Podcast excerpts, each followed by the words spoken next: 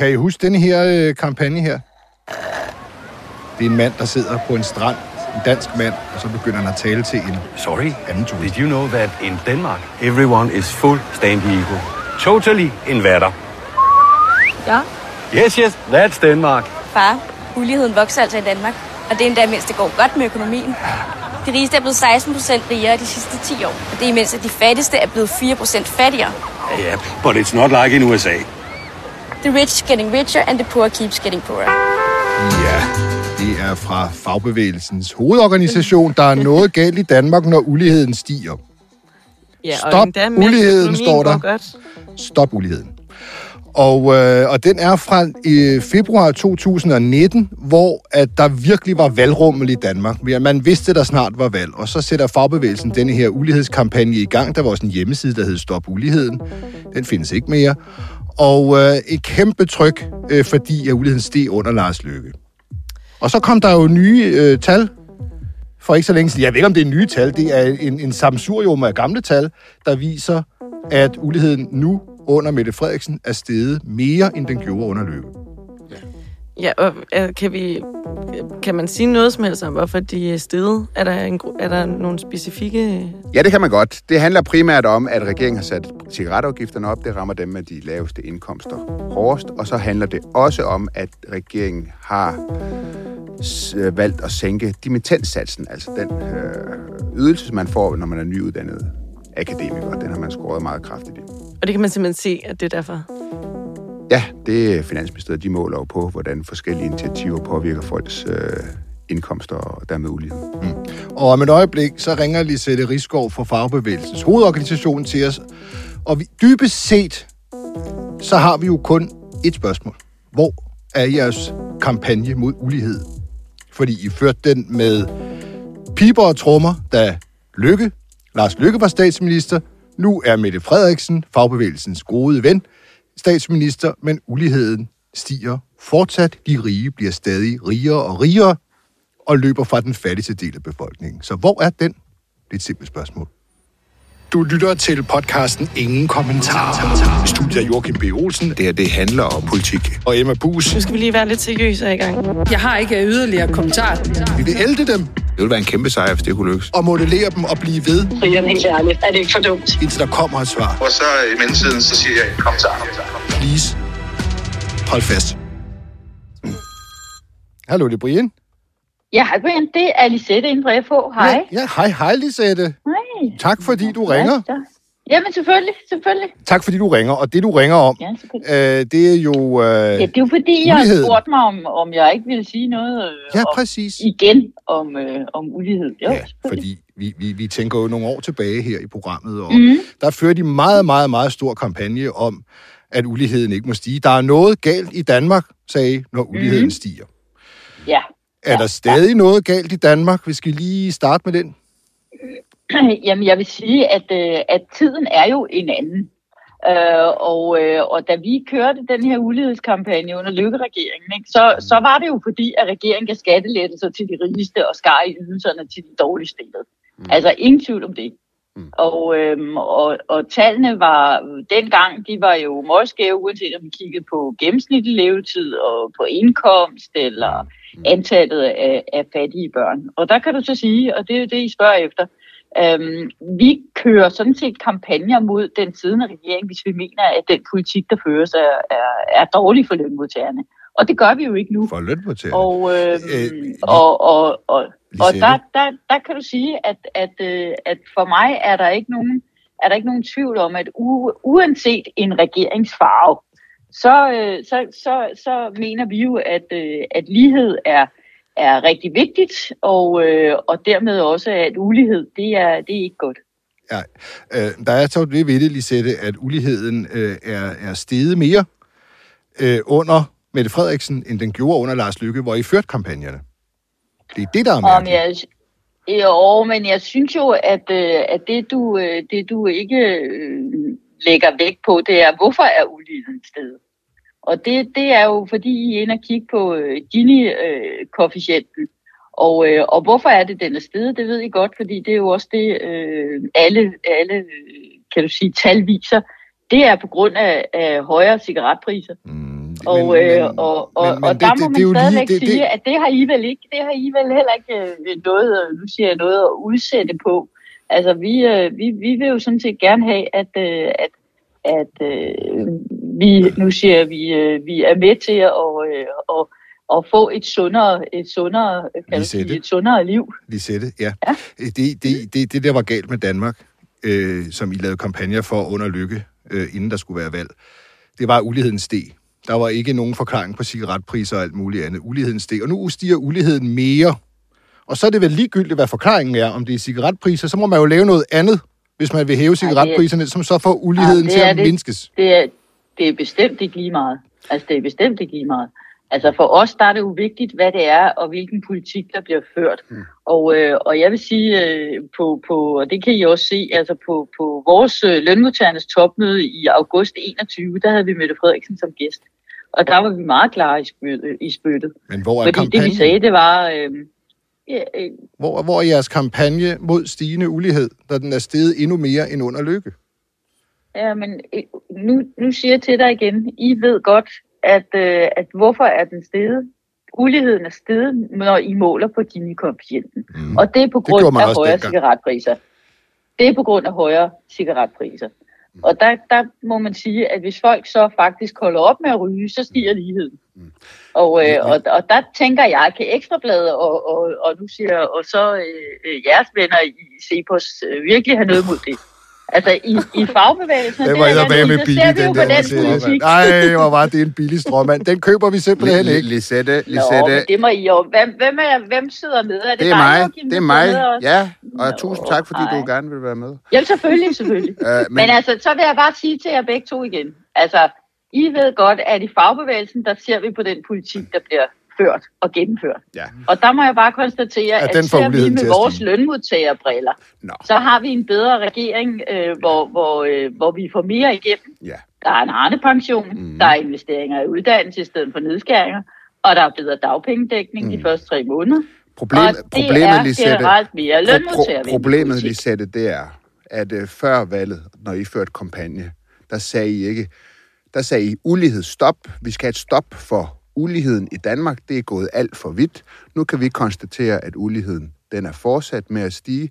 Og det, jeg synes, I skal svare på, det er, at I sagde ikke før valget, at uligheden må gerne stige, hvis det er som konsekvens af øgede cigaretafgifter. Uligheden må gerne stige, hvis det er fordi, man skærer i ydelserne i unge, nyuddannedes akademikers dimittentdagpenge.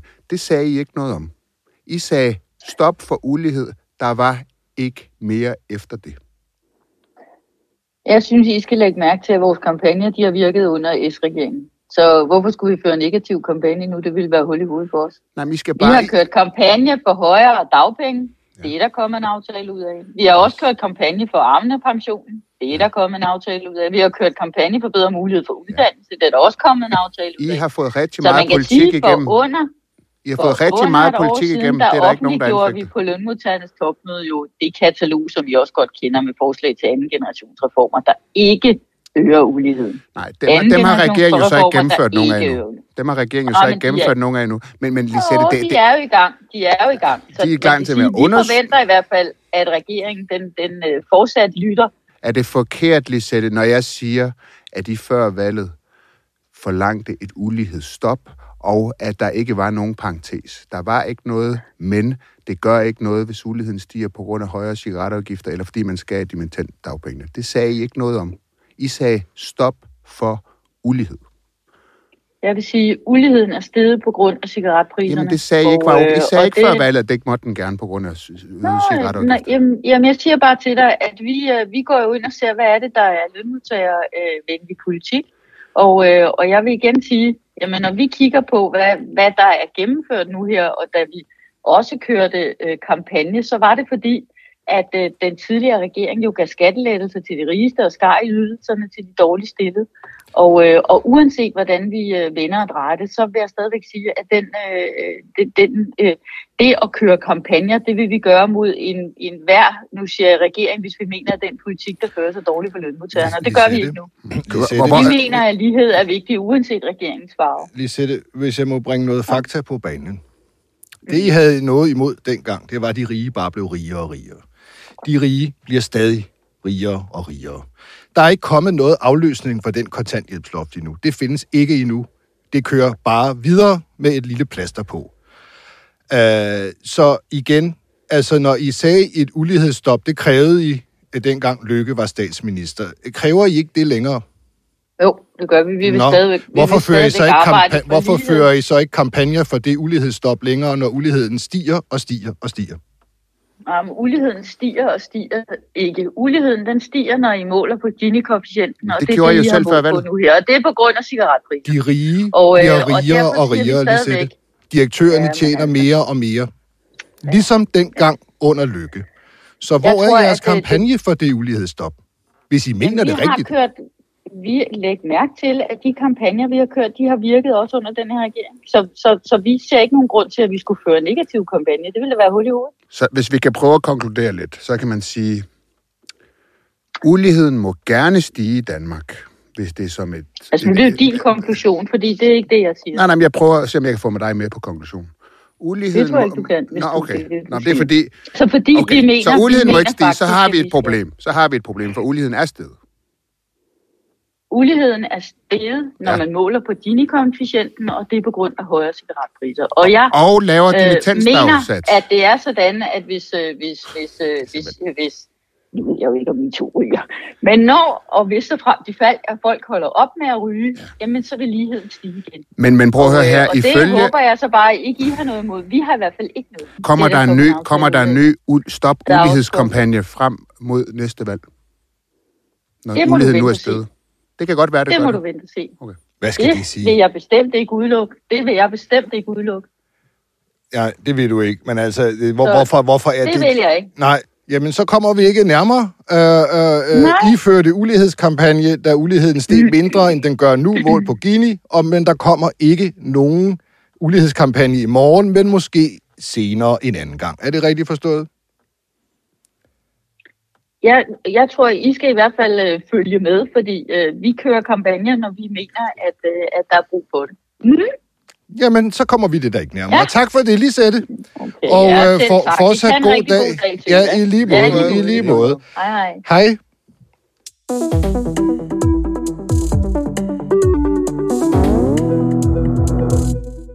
Nå, det, det er jo en festdag i dag. Ja, for Det- nogen. For nogen. Det er Pia Kærsgaards 75 års fødselsdag. Ja. Jeg tænker, vi lige kan starte med at sige tillykke til hende. Ja, det kan vi da godt. Ja. Tillykke. Tillykke, Pia. Og hun kan måske sige tak for gaven til de fem personer, der er smuttet fra Folketingsgruppen i går. Det skal vi snakke om. Ja, jeg synes bare, vi bliver lige nødt til at nævne. Uh, vi var også til reception i går, Brian Weikart, til Ja. ja. Pia Kærsgaards.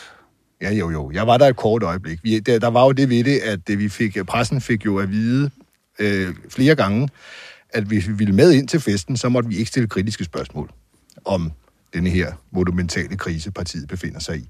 Man måtte kun stille glade spørgsmål.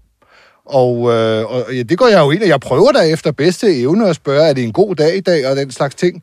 Øh, men, men hun ville ikke rigtig svare, og øh, så tænker jeg, "Nå, men så kan det da også være lige meget. Så spørger jeg bare, er det rigtigt, du har råbt af, af dine partifælder? mm. Og så, skete der så så? var det altså ud. Så, øh, så kom pressechefen over, som i øvrigt også øh, har skiftet job nu, øh, og sagde, nu har I vist fået jeres tv-tid, og så gelejtede han mig med armen pænt ud. Mm. Ja, det var høfligt. Og så sagde jeg, smider du mig ud, egentlig? Nej, nej, det gør jeg ikke. Nå, må jeg så blive? Nej, det må du ikke. Så jeg, jeg, det lå i gråzonen mellem øh, forsvind og, og, og, og venligst pege mod døren. Det var det, der skete i går, så jeg, jeg nåede ikke at opleve så meget. Men jeg forstod der på, på, på øh, den pressedækning, der var af det senere, at hun heller ikke ville svare på de andre spørgsmål. Altså, jeg vil sige, jeg havde en god dag til reception. Det var da dejligt for dig. Øh, Jeg hyggede Fik mig, du og, kage, og- og jeg, jeg havde en god snak med øhm, Christian Langbæl.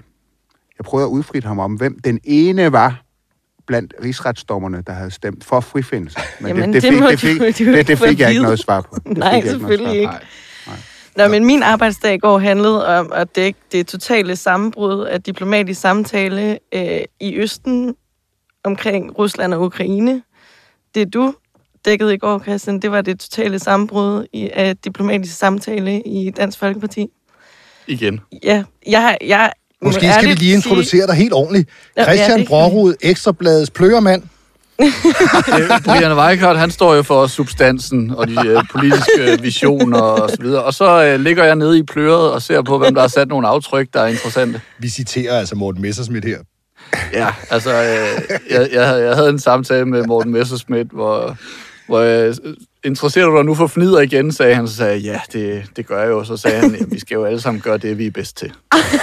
Og du er, god, du er god til det her, Christian. Det er derfor, du er her. Øh, fordi vi skal, jo, vi skal jo lidt mere ned i øh, den krise, Dansk Folkeparti befinder sig i. Ja. Og... Øh, Jeg tænker, vi skal gennemgå nogle personer. Men, men, fordi, Mest alt. Ja, fordi at øh, nu var der jo øh, mandag og tirsdag fem personer, der simpelthen går ud af partiets folketingsgruppe og bliver løsgængere.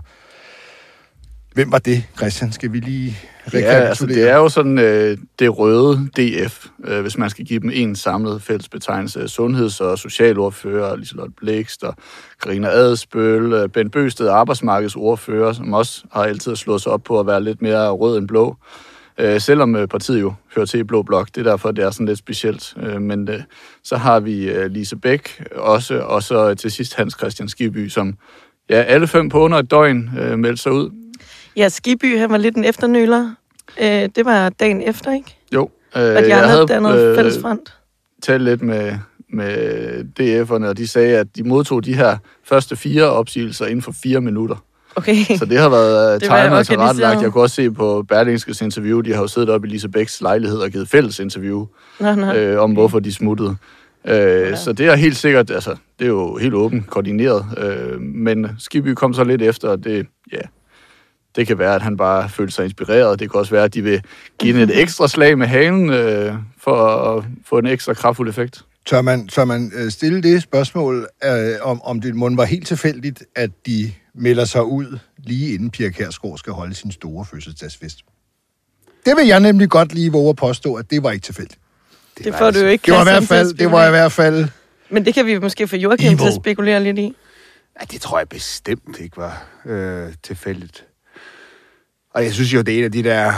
Hvad end man synes om Pia. Kærsgaard, ja, det, jeg synes også, det der, det, Det var, det, var, det var grimt. Altså, det, det var et eksempel på, når politik, det bliver, det bliver grimt, fordi ja, man skal huske på, at det er mennesker, der trods alt har siddet i parti sammen i mange år, de har haft meget med hinanden at gøre. Jeg synes også godt, man kan sige, at dem, der nu har meldt sig ud, jo trods alt skylder Pia Kærsgaard en hel del, i hvert fald, at de har siddet i Folketinget i så, i så, i så mange år.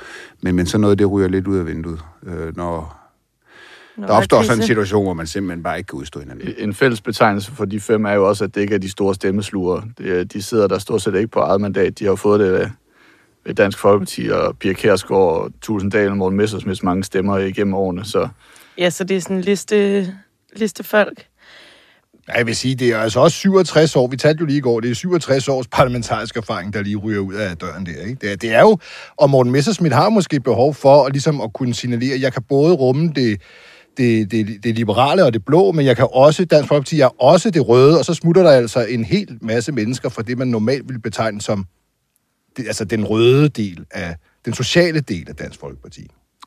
Men det, vi skulle snakke om, Christian, det var måske også, at er det slut med de fem? Er der andre navne, som vi kan sige, er de på vippen der? det, jeg hører øh, internt i Dansk Folkeparti, det er jo, at de bestemt ikke regner med, at det er slut med de fem. Altså alle øjne lige nu, øh, både pressefolk, men også internt, er rettet mod Marie Krab. Øh, hun har tidligere været i en hæftig infight med Pia Kærsgaard, øh, hvor de nærmest sådan, hver eneste gang den ene sagde noget i pressen, så sagde den, så vil jeg også sige noget i pressen. Grimt om hinanden og så videre. Så øh, hun bliver ved, og øh, hvad jeg kan forstå, så har hun også af flere omgange internt på gruppemøder, øh, ligesom blev ved med at gå op mod Morten Messerschmidt og krævede, øh, hvad vil du gøre, øh, hvis du får en dom i byretten, når den her sag om meldt-sagen om øh, EU-svindel og dokumentfald skal få igen. Øh, hvis du bliver dømt der, hvad så? Og Morten Messerschmidt bliver ved med at sige, at det er jo op til hovedbestyrelsen, og det er den øverste myndighed mellem årsmøderne og den slags. Så han vil faktisk ikke give hende nogen, eller øh, garanti give hende noget svar. Men hun bliver ved, og det gjorde hun også øh, i forhold til, øh, hvad jeg kan høre i, øh, på gruppemødet i går. Så okay. det stopper ikke lige øh, med det samme. Altså efter, det er jo så efter alle de her udmeldelser og sådan noget, det, hun, som jeg forstår det lige nu, så har Morten Messerschmidt et, et overtal, altså et flertal af sine støtter efterhånden i partiet. Hvad er det, altså, men hun fortsætter bare med at lægge sig ud med, med den fløj. Fuldstændig. Øh, og det er jo, ja, det er rigtigt, som du siger, der ikke er noget, der ikke er så skidt, så det ikke er godt for noget. Altså, Morten Messerschmidt havde en plan for, hvordan han ville have sin gruppeledelse. Den fik de øh, stemt ned øh, og ændret, øh, fordi at der var et flertal i gruppen, der ville noget andet end partiformanden. Mm. Højst usædvanligt. Ikke særlig brugbart og holdbart for et parti. Øh, men nu er der fem, der er smuttet. Øh, der er ikke så mange tilbage, øh, øh, som er, er uenige i, i Morten Messersmiths øh, linje. En anden øh, stor handelefant i rummet, skal lige nævnes øh, Christian Thulsendal, den tidligere mm. partiformand. Det er også der, mange de øh, kigger hen øh, internt i øjeblikket, fordi de lægger jo alle sammen mærke til, at hver eneste gang Christian Thulsendal er i medierne, så taler han konflikten op. Mm. Han har alle muligheder for at lægge ro på og sætte sig på bagerste række og slappe lidt af, men det gør han ikke. Mm. Brian, øh, du havde jo fornøjelse ja, med at det er jo, interviewe jeg ham i skulle går. lige til, nu kom jeg i tanke om det, fordi at, øh, han kom jo også til gruppemøde i går. Han kom så 20 minutter efter de andre i ensom majestæt og tog sig rigtig god tid til de fra øh, pressefolk, der ikke var gået endnu fra, fra øh, hoveddøren der. Og det, han sagde, var jo, den, det var jo den ene stikpille efter den anden. Men jeg fik jo altså indtryk af, at han havde siddet og set fjernsyn og siddet og set, hvad Morten Messerschmidt sagde, inden han gik ind. Så tykkede han lige på, hvad, hvordan, hvor, hvor kan jeg øh, skyde nogle giftpile på? Og så gik han op. Og han startede med at sige, at det var rygende galt i Dansk Folkeparti. Øh, med, med dem, der havde meldt sig ud. Han roste dem en for en, dem, der havde meldt sig ud. Og sagde, at der er noget rygende galt, når, når, når de ikke er med mere. Og, og, og der havde Morten Messersmith jo lige sagt, det skal nok gå det hele. Og så øh, bliver han selvfølgelig spurgt, jeg spørger ham flere gange, altså kan du garantere, at du bliver folketingsperioden ud i Dansk Folkeparti? Og at det, den garanti gav han simpelthen ikke. Altså han talte rundt om, udenom snak, så man kunne høre, det var udenom snak. Han gav ikke den garanti, så der tænkte jeg da i hvert fald, okay, altså spotlys på den mand. Han smutter. Tror du det? Ja, det tror jeg. Du kalder den allerede nu. Ej, ja, altså, ej, ej, altså både Krav og, og Tulle, de, de, de smutter. Og nu tror jeg ligesom, at øh, hvis man også skal være rigtig... Hvis man skal gøre det på en måde, hvor det gør maksimalt ondt på Morten Messerschmidt, så skal man jo heller ikke gøre det på en gang. Så, kan man, så skal det jo komme drøbvis, fordi øh, vi skriver selvfølgelig også om det næste gang, fordi det jo selvfølgelig er spændende. Også at et, mm. et parti jo mister en hel masse mandater. Det her kan også få en betydning rent parlamentarisk. Men Joachim, nu tilspørger jeg dig, er det bedst at have fem eller måske flere partimedlemmer mindre, og så have et flertal for Morten Messerschmidt, eller er det bedre at være formand i et større parti? Jamen, der er jo ingen tvivl om, at for Morten Messerschmidt, øh, der er det godt på sigt at komme af med de her folk. Det er jo ikke nogen garanti for, at det ikke kommer til at gå rigtig skidt for Dansk Folkeparti. Men, men hvis han ligesom skal have en chance for at genopbygge Dansk Folkeparti, så er der jo nødt til at være ro på de interne linjer. Og derfor så for ham vil det være bedre, at de smuttede i dag, end de først gør det om øh, en uge eller om en måned. Ja, Tulsendal gør vel også mere skade på Messerschmidt ved stadig at være med og kunne gå hen til gruppemøderne og komme med et par svagdager, inden han går ind, frem for hvis han slet ikke var med. Absolut. Det er jo også ærgerligt at have, hvis man er meget Morten Messerschmidt, må man da også ærge sig over, at Marie Krab stadig sidder ind til gruppemøderne og kan høre det hele, og stille kritiske spørgsmål, øh, frem for hvis han slet ikke var der. Eller hvad? Præcis. Altså, det, det, altså man, kan, jeg, jeg, kunne, jeg synes, at man kunne argumentere for, at han selv ligesom skulle føre kniven nu måske, og så ligesom sige, så... Altså, det som... Bare sådan helt objektivt set, det som Tule han gør i går, stille sig op, give et langt interview med dig på vej ind til et gruppemøde, hvor han øh, øh, jo taler konflikten op, som Christian og siger, altså, hvis du har, det er jo partiskadelig virksomhed. Hmm. Men hvis vi vender tilbage til Pia bare et enkelt, fordi det var jo hendes store dag i går. Hun har fødselsdag i dag, mens vi optager. Øh, det havde jo også de fem, der melder sig ud, ja, de kommer med et, et, altså meget grove beskyldninger mod hende for voksenmobning mm. og råber for ansatte og partifælder og den slags. Men det, at de trækker sig fra Dansk Folkeparti, har jo også en helt anden konsekvens for Pia Kærsgaard. Altså hun øh, har sagt utallige gange, hvor meget og hvor vigtigt det er at sidde i præsidiet, og da hun var formand, hvor vigtigt det var, Ja. og stort ting for hende. Mm-hmm. Nu er hun ud af præsidiet. Ja, og kan vi lige gennemgå, hvorfor, hvorfor er det det? For jeg, kend, jeg vidste faktisk ikke, hvordan det, hvordan det foregik. Jamen, det er sådan, at det er de fem største partier i Folketinget, der sidder i præsidiet. Og det er jo ren øh, mandatoptælling. Øh, optælling. Ja. Og når øh, Dansk Folkeparti så mister de her fem mandater, jamen, så bliver de lige pludselig ikke blandt de fem største.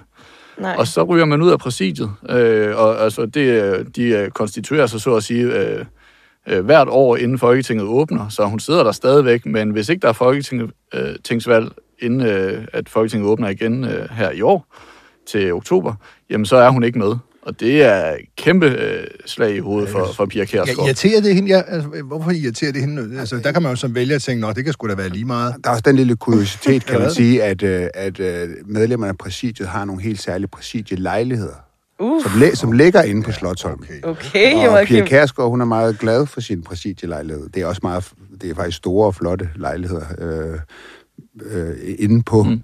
Christiansborg. Og det gør også ondt. Og så øh, øh, endnu en ting, det er så ikke øh, Pia Kjærsgaard personligt, men, men Morten Messerschmidt og Dansk Folkeparti ser også ud til at ryge ud af, af, af kontroludvalget, som jo øh, på Christiansborg, som, som skal kontrollere efterretningstjenesterne. Og det er samme opbygning med, at dem, der er medlem af præsidiet, sidder også i kontroludvalget. Og det betyder faktisk, at enhedslisten kommer ind i kontroludvalget. Måske. Øh, det, er der er sådan nogle meget øh, tekniske regler der, fordi øh, at, at enhedslisten og konservative faktisk øh, Ah. er lige store, og øh, konservative kan kræve en lodtrækning for at komme i præsidiet. Det tror jeg, regeringen håber Så- på, at konservative... Så vores gode øh, kollega Jonas Sahl skrev faktisk en historie om det i går, om at, at det kan ende med en lodtrækning om, hvem der får lov til at sidde og kontrollere efterretningstjenesterne. God pointe. Uff, det bliver spændende. Men jeg, jeg, når der er noget, jeg tænker på, det er, øh, det siger de jo også, dem der melder sig ud, det, det handler ikke om politikken, det handler om personen, Morten Messerschmidt og så også Pia Kærsgaard. Altså, hvordan, der, Joachim, det, kan, det ved du måske noget om, hvordan kan personspørgsmål være så afgørende? For vi hører altid fra politikere, jamen, personfnider, det er noget, pressen tager sig af. Øh, vi tager os af substans og politik. Hvordan kan person, et, altså et, et personfnider gøre, at man simpelthen siger, jamen, så vil jeg slet ikke så vil jeg slet ikke øh, være i det her parti. Så vil jeg slet ikke være ordfører for et større parti. Jamen, fordi der er politik jo ikke anderledes end øh, alle mulige andre arbejdspladser, hvor at øh, kemien mellem mennesker er utrolig vigtig, hvis man skal kunne finde ud af at arbejde sammen. Og her er der altså opstået en situation, øh, hvor at man jeg, jeg simpelthen får et meget stor antipati for hinanden, og ikke kan holde hinanden ud. Altså, Christian Tulsendal møder ikke op til receptionen i går. Altså til Pia Kærsgaards reception. Det er jo fuldstændig vildt. Gør han ikke Til det? tiden. Han møder ikke op til tiden. Nej, nej, men, men, men så han, det gør han jo aldrig. han undgår øh, der, hvor alle skal hen og sige øh, pænt øh, goddag og tillykke til fødselaren. Nej, er det rigtigt? Ja, men, men det der jo ligesom Ej, er, det er så sjovt. hvis man taler med folk i Dansk Folkeparti, så siger de jo, altså de to, som har kørt så tæt et parløb, altså de hilser ikke på hinanden, når de går forbi hinanden på, på gangene derude.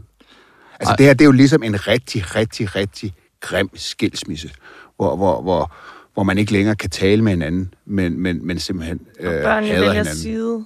Nu spørger Ej, jeg er uvidende, fordi at, at nu, skal, nu skal gruppen vel rafles igen øh, på en eller anden måde. Altså, hvad, hvad, ved du noget om, hvad, hvad der skal ske nu, Christian? Ja, der er jo kommet de her... Der var meget polemik om øh, gruppeledelsen sidst, øh, hvor der var Morten Messerschmidt blev nedstemt af, af, af selve gruppen. Og nu er de to, der er smuttet, de, de har jo plads i gruppebestyrelsen, som det hedder. Så der er to huller, der skal fyldes. Og så kan man jo måske have udsigt til øh, endnu et slagsmål, men, øh, men som sagt, der er ikke lige så mange øh, dissidenter øh, internt i gruppen længere. Men, men det, jeg kan forstå på, på øh, de folk øh, omkring Morten Messerschmidt, det er, at, at der er stadigvæk sådan en eller anden øh, lyst til at række hånden ud. Øh, og det kunne være, altså ham, der blev nedstemt sidst, var Dennis Flytkær, så han skal formentlig ind. Øh, og så er håndsrækningen er faktisk at sætte øh, Christian Tulsendals storebror, Jens Henrik Tulsendal, ind i gruppeledelsen. Okay. Øh, så der kommer en Tulsendal i, øh, i DF-ledelsen. øh, måske. Øh, det, jeg tror ikke engang, Morten Messerschmidt har bestemt sig endnu. Det var noget, der lige skete her for, øh, for et døgn siden. Men, men det er nogle af de overvejelser, man gør sig i, i Messerschmidt-lejren. Okay. Men man skal også huske på her, altså, han får en masse nederlag nu, Morten Messerschmidt. Jeg ved ikke, man skal kalde det det, men det er jo ikke sjovt, når folk de melder sig ud.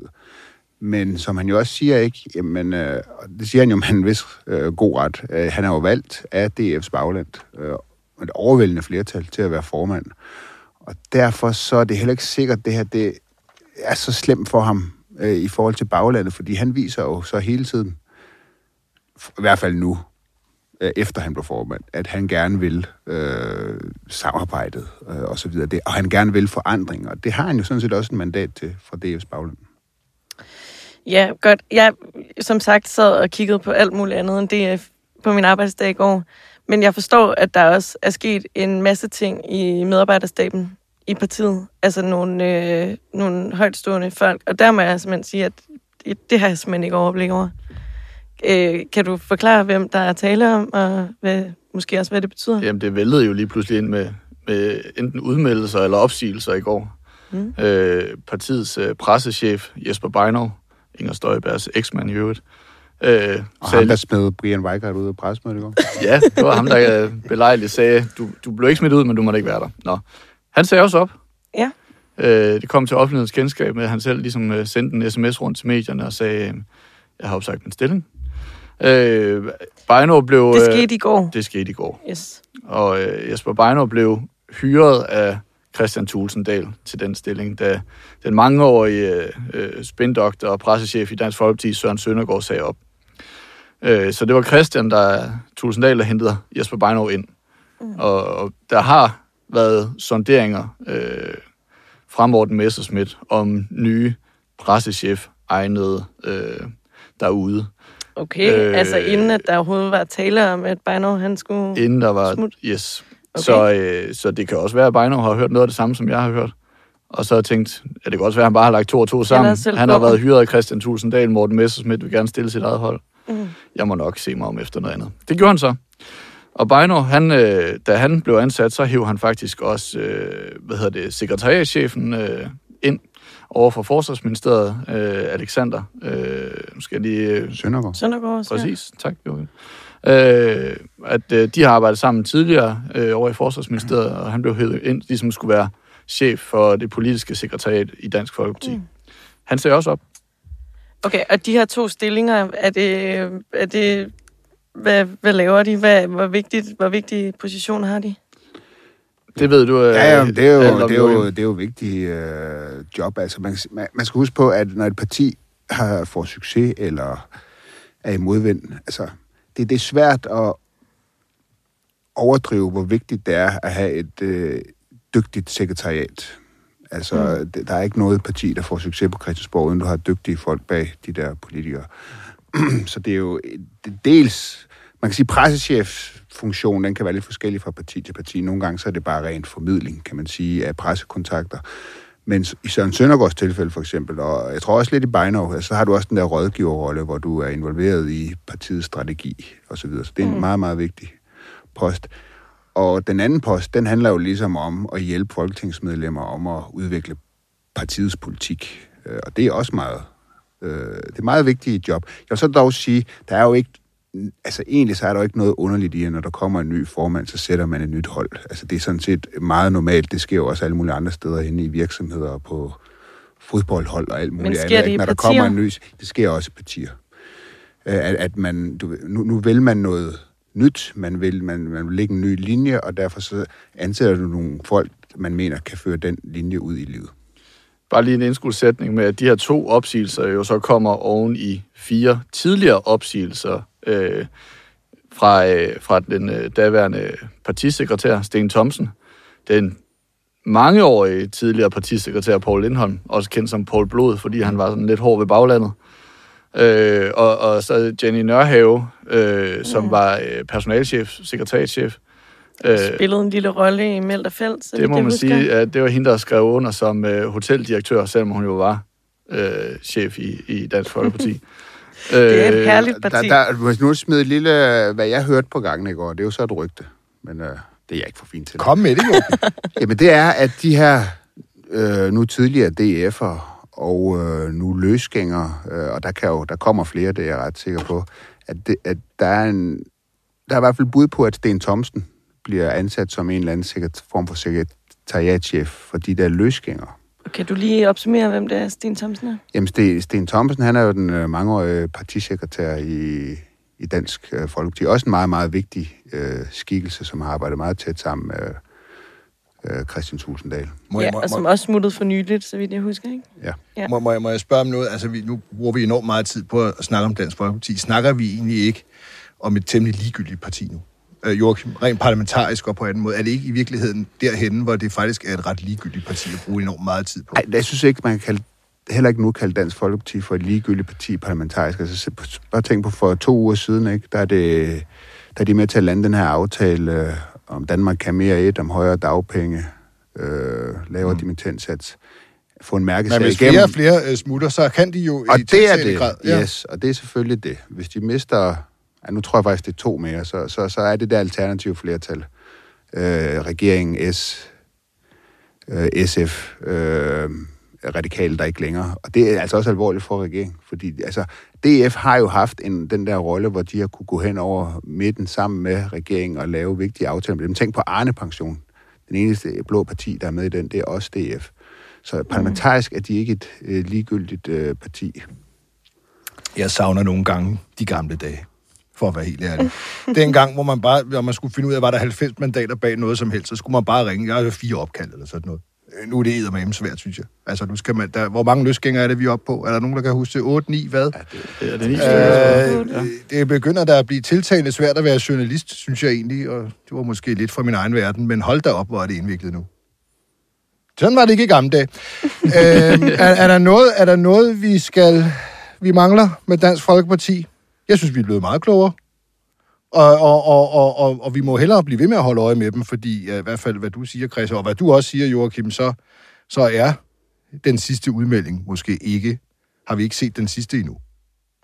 Men tillykke til Pia. Stadigvæk tillykke til Pia. 75 år. Og stadig i fokus. Så kan jeg lige slutte af med at sige, vi har, vi har lige snakket med Lisette Risgaard, og på den her politikken-artikel, som du har printet ud, Joachim, der er der en lille reklame for noget sexlegetøj. Er det med vilje? Det er ikke mig, der har printet den. Jeg tager intet ansvar for Er det din algoritme, der... Det er mig. det er mig, der printede. Hvad er det for en algoritme, Hvad der er er i spil der? Der er Nej. der. Al- al- Altså, det her, Rasmus, det skal du klippe ud. Det, det, det, det, det duer ikke. Altså, hvis piger skal klare den rå og hårde virkelighed, Hvor er Bejner, når man skal bruge skal- ham? Jeg vil gerne vise jer ud af det her studie. Han er ledig på markedet. du har ikke noget at skamme dig over, Brian. Det er godt. Du er en moderne Ja, mand. vi stopper her.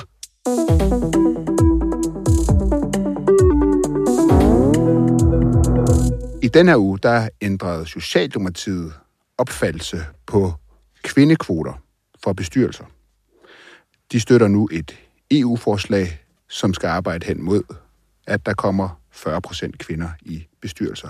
Men der er nogen, der har ment det her i lang tid, og det er de radikale.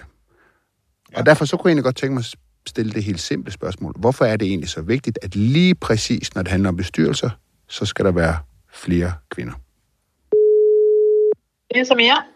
Hej Samia, det er Joachim B. Olsen fra Ekstrabladet. Hej. Og øh, tak fordi du kunne være med. Ja, selvfølgelig. Og emnet det er jo kvoter for kvinder i bestyrelser. Nu er, det jo, Ja. nu er debatten jo blevet aktuel igen, på grund af, at regeringen vil støtte det, det her forslag fra EU. Præcis. Og, øh, og mit første spørgsmål til dig, hvorfor er det så vigtigt, at der kommer flere kvinder i bestyrelser? Jamen det, der er vigtigt, det er, at kvinder har de samme muligheder for mænd som mænd for at kunne komme øh, ind i bestyrelseslokalet. Og øh, sådan er det ikke i dag. Der er ikke lige muligheder mellem øh, kvinder og mænd, og derfor så står der en masse kvinder med øh, de rette kompetencer og kvalifikationer, øh, modet og ambitionerne på at indgå i bestyrelsesarbejde og indtage ledelsesposter og være topchefer, men de har ikke de samme muligheder som mændene, og derfor så bliver de afskåret fra, fra magtpositionen i virkeligheden. Øh, og, og det er det, som, øh, som jeg gerne vil gøre op med. Og det er ikke fordi, jeg synes, at kvoter, det ligesom er det fedeste at introducere for at opnå den her ligestilling. Og det er også derfor, at det radikale forslag er, at vi kun gør det for en midlertidig periode, øh, og ikke som en permanent lovgivning. Hvorfor det her fokus på bestyrelser? Der er jo masser af andre steder i samfundet, hvor der bestemt heller ikke er en lige fordeling af kønnene. Øh, jeg tror 95 procent af sygeplejersker, de er kvinder. Vil I også have kvoter for mænd i sygeplejerskestillinger? Øh, jamen, hvis, øh, hvis det var sådan, at der var rigtig mange mandligt uddannede, kvalificerede sygeplejersker, der stod og bankede på dørene for at komme ind og øh, varetage et sygeplejerskejob, men blev afvist fordi de var mænd, øh, så synes jeg i den grad, at øh, vi havde et problem, der ikke vil være anderledes end det, vi ser på bestyrelses- og ledelsesniveau i virksomheder. Og så, øh, så kunne jeg godt øh, finde på også at tænke på kvoter der. Men det, der er udfordringen i forhold til de her såkaldte velfærdsstillinger øh, og øh, kvindedominerede fag, øh, det er, at mænd ikke i samme grad som kvinder uddanner sig inden for det. Og øh, det synes jeg sådan set også er værd at kigge på. Hvad er det egentlig, der gør, at mænd uddanner sig mindre øh, til pædagoger sygeplejersker, sosuer, end kvinder gør? Er det nogle normer, nogle strukturer, øh, hvor man faktisk ikke øh, på grund af nogle øh, samfundsnormer får lov til som mand at udfolde sit fulde potentiale og gå efter sin drømmeuddannelse? Hvis det er sådan, så skal vi jo også have gjort op med hvad skal man sige, det her kønsopdelte uddannelsesvalg, og deraf også det kønsopdelte arbejdsmarked. Samira, hej, øh, det er Brian her fra Ekstrabladet Hej, også. Hej. Øh, hvor, hvor, hvor mange, bare, bare for at få problemets omfang belyst, hvor, hvor mange kvinder bliver afvist for at komme ind i en bestyrelse? Jamen, hvis man øh, kigger på de 60.000 bestyrelser, der er i Danmark, så kan vi øh, konstatere, at i 33.000 af dem, så sidder der ikke en eneste kvinde. Øh, og øh, det kan jeg bare slet ikke se, hvordan det skulle kunne være rigtigt, at 33.000 bestyrelser i Danmark ikke har kunne opdrive en eneste kvalificeret kvinde til at sidde i deres Nej, men, men, men, men hvor mange kvinder bliver afvist, det var det? Altså, Jamen, hvis man, blev, øh, hvis man blev afvist med henvisning til, øh, altså med henvisning til sit køn, øh, så havde vi jo en lovgivning, som, øh, som man kunne gå ind og sige, hov, øh, der er altså noget galt her, det er ulovligt. Øh, så, øh, så, så jeg kan ikke pege på nogen sager. Det er derfor, jeg siger, at det her det er nok noget, der ligger mere i øh, kulturen, og vi skal have indført de her kvoter for at for ligesom at skubbe lidt på den kulturforandring, Men der det, er behov men, det, for. men det ligger vel også i kulturen, at kvinder i højere grad end mænd gerne vil være sygeplejersker, så kunne kvoter ikke også hjælpe der? Det er også en kulturel ting. Øh, ja, det er det, og derfor så øh, skal vi selvfølgelig også have skubbet på for at få flere mænd til at tage de uddannelser, øh, såsom øh, sygeplejersker og pædagoger. Men når vi kigger på, hvad skal man sige, ledelsesposter øh, og, øh, og topposter, så er det jo ikke fordi, at kvinder skulle være dårligere uddannet end mænd. Det er ikke fordi, der ikke står en masse kvinder på spring, som har ambitionen om det, men vi ser bare, at det er mændene, der bliver ved med at, Så, at komme så, ind så og det, tage posterne. Så det, du siger, det er, at der sidder nogle mænd øh, og ikke vil og siger, at vi, vi vil ikke have de her øh, folk ind, fordi de er kvinder. Fordi der er masser på Ja. spring, der er masser, der er kvalificeret, så, så, så mænd ansætter simpelthen ikke kvinder i, til bestyrelsesposter, fordi de er kvinder. Ja, og det gælder sådan set både mænd og kvinder. Der er lavet Hvordan kan du dokumentere hvor, det? Det er jo en meget, meget hård beskyldning. Jamen, der er lavet for eksempel en undersøgelse, hvor det er, at man øh, indsender samme ansøgning, CV, forretningsidé i henholdsvis et herrenavn og så et kvindenavn.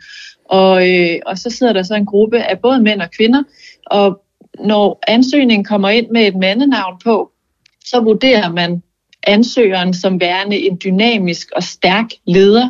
Men når fuldstændig samme ansøgning kommer ind med et kvindenavn på, så vurderer man, at her er altså tale om en dominerende og irriterende leder. Er den lavet i Danmark, og den det- undersøgelse? Hvad siger du? Er det en dansk undersøgelse? Nej, det er ikke en dansk undersøgelse. Øh, i, øh, I dansk kontekst, der kan man jo øh, kigge ind i øh, på ledelsesposter og se, at Lars og Peter øh, er mere gennemgående et navn, end det, at der overhovedet er kvinder. Og øh, den, øh, altså det, jeg sagde før også, at vi har 33.000 bestyrelser, hvor der ikke er en eneste kvinde.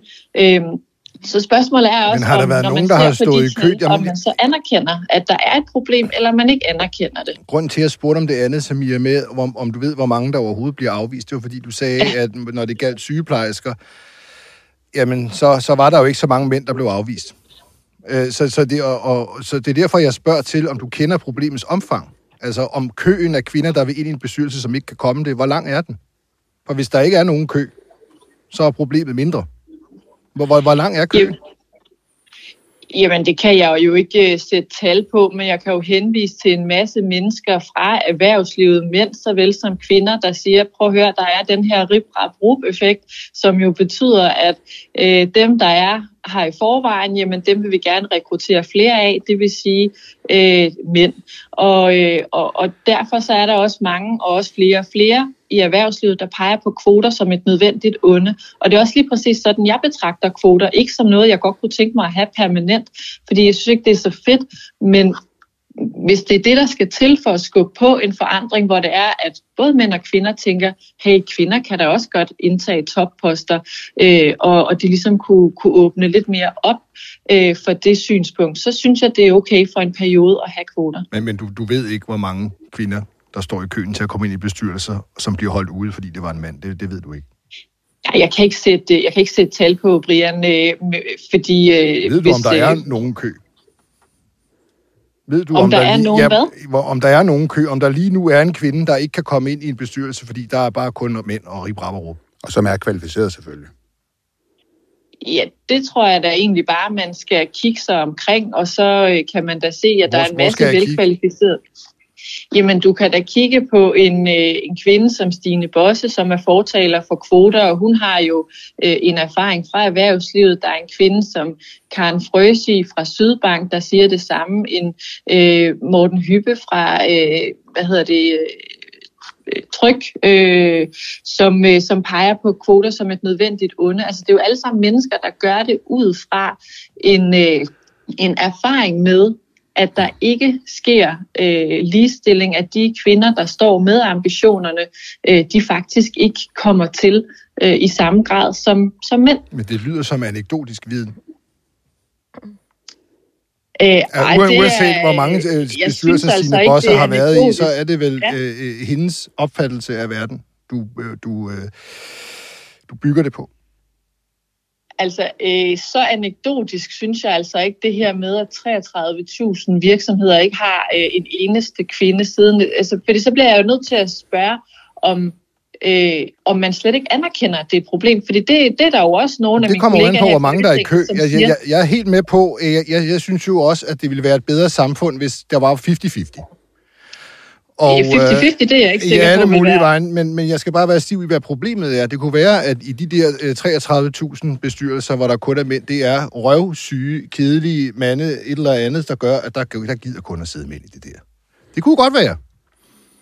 Ah, det tror jeg simpelthen, øh, det tror jeg simpelthen ikke på, fordi så er det, at man på en eller anden måde får sagt, at kvinder er en eller anden form for minoritet i samfundet, øh, som øh, dem er der meget få af, og vi skal virkelig lede med lys og lygte, hvis vi skal finde en, der er kvalificeret til at sidde i øh, en af landets 60.000 bestyrelser, øh, eller i de 33.000, hvor der ikke sidder en eneste kvinde i dag, og jeg betragter seriøst ikke kvinder som en minoritet, eller det handler ikke om, hvad, hvad jeg betragter og ikke betragter. Tallene siger jo faktisk, at der er flertal af kvinder i Danmark. Øh, Apropos så nødt minoriteter, til- hvad med, hvad med sådan etnisk kvoter i bestyrelser? Øh, Ja, hvad men, det? øh, nu der- om det. Jeg synes, at øh, det er godt med mangfoldighed og diversitet, både i forhold til etniske minoriteter, mennesker med handicap osv., og også på bestyrelsesposter, naturligvis. Hvad med kvoter for det så? Ikke, det, ja, nej, øh, ikke Hvorfor for ikke? nuværende. Hvorfor ikke? Fordi, fordi det er, der er tale om minoriteter, og, øh, og kvinder er netop ikke en minoritet. Øh, så, Ja, så man derfor kunne så godt lave synes jeg- sådan en procentvis, øh, der, der er så og så mange med den baggrund, der er så og så mange handicappede. Det kunne man vel godt lave. Så er der selvfølgelig ikke så mange. Det er ikke 40 procent, men så- hvor- hvorfor ikke det? Hvorfor ikke det? Hvis det er sådan en god idé. Jamen, det kunne man i princippet godt. Øh, Jeg synes bare, at vi skal starte der, hvor øh, vi, øh, vi kigger på kvinder, som jo faktisk ikke er en minoritet. Kvinder, som har uddannelser, har ambitionerne for at indgå i Hvor- Hvorfor er bestyrelsesarbejdet. det et større, større problem? Altså, man hører jo i debatten om indvandrere, at de bliver fravalgt på baggrund af deres etnicitet. Mm. Altså, altså, det, det, hvis det er sandt, så er det jo racisme. Altså, det må Ja. da være et endnu større problem. Og hvorfor skulle man så ikke have kvoter for, for, for, for, for, på baggrund af etnicitet? Vi har, øh, vi har rigtig mange problemer, også på ligestillingsområdet i Danmark, der skal adresseres. Øh, og det er korrekt, at hvis en kvinde med tørklæde sender en ansøgning, altså, så skal hun gøre 60 procent flere gange for overhovedet at komme til samtale, end øh, hvis samme ansøgning var sendt afsted med et billede af en kvinde uden tørklæde. Du er argumenterer jo enormt godt for kvoter til indvandrere. Altså, det er da enormt det, godt jeg- argument. Det, jeg argumenterer for her, det kunne blandt andet være øh, anonymisering af jobansøgninger. Danmark er jo et af de lande, hvor øh, vi elsker at putte vores øh, lækre fotos på vores jobansøgninger, men hvorfor egentlig? Eller hvor vi godt kan lide at skrive alder og navn og køn og sådan på vores ansøgning, men, men hvorfor egentlig? Øh, det kunne man jo godt anonymisere. Men hvor, hvor, hvorfor, Så- hvorfor jamen, jamen, jeg vil- det kunne man jo også gøre med kvinder i bestyrelser. Eller med politikere og pla- valgplakater. Men, men hvad, hvorfor ikke de kvoter der? Hvorfor ikke, hvis det er en god idé med kvinder, hvorfor er det så ikke en god idé med indvandrere for at skabe en, et mere øh, et rummeligt samfund, hvor alle har en plads? Jamen, du får på en eller anden måde sagt, at kvinder så skulle være en minoritet i samfundet, og det, det anerkender jeg simpelthen ikke. Det gør tallene heller ikke rigtigt. Kvinder udgør halvdelen, ja faktisk majoriteten her i Danmark, og, øh, og, og man har som kvinde et uddannelsesniveau, som er tilsvarende eller højere end mændenes. Man har nogle ambitioner, det er der også talrige undersøgelser, blandt andet i finanssektoren, der peger på, at kvinder har faktisk lederambitioner, mm. men jo højere op i ledelseslagene vi bevæger os, Det indvandrere måske øh, også. færre og færre kvinder bliver der. Det har indvandrere måske også. De har måske også lederambitioner. Hvorfor skal det ikke være kvoter for dem for at hjælpe dem, ligesom man hjælper kvinderne? Hvis det er sådan et godt værktøj, så må det gælde for alle. Jamen, skulle vi ikke tage og starte med, med den gruppe, der ikke er en minoritet i samfundet, og så se, om ikke også, når øh, øh, de gamle konservative strukturer, der gør, at vi fastholder mænd i bestyrelser, hvis, hvis de nu øh, fik åbnet øjnene op for, wow, kvinder kunne også være en del af det, så kunne det jo være, at man samtidig også fik øjnene op for, at jamen, øh, mennesker med handicap er der naturligvis også øh, et positivt bidrag ind i en bestyrelse, ligesom mennesker med etnisk minoritetsbaggrund. Det handler om den her øh, kulturforandring af, at vi ikke bare skal have de samme typer øh, og det samme køn siddende i alle bestyrelser og overlade alle øh, beslutninger til, Kan, til dem. kan, kan du... Okay. Ja, men Jamen, tusind tak, fordi du, øh, du var med. Samira selv tak. Nauer fra De Selv tak. Radikale. Fortsat god dag. I lige måde til jer begge to. Det godt. Hej hej. Det var Samira Navar fra De Radikale om kvinder i bestyrelser. Og øhm, på den måde, så kom vi jo vidt omkring Dansk Folkeparti, fagbevægelsen og De Radikale. Det er det, det, det var en god bred buket. Det var det. Vi gør det i næste uge igen. Ja, nu skal du hjem og surfe på internettet. Jeg skal skynde mig at søge på noget meget kedeligt.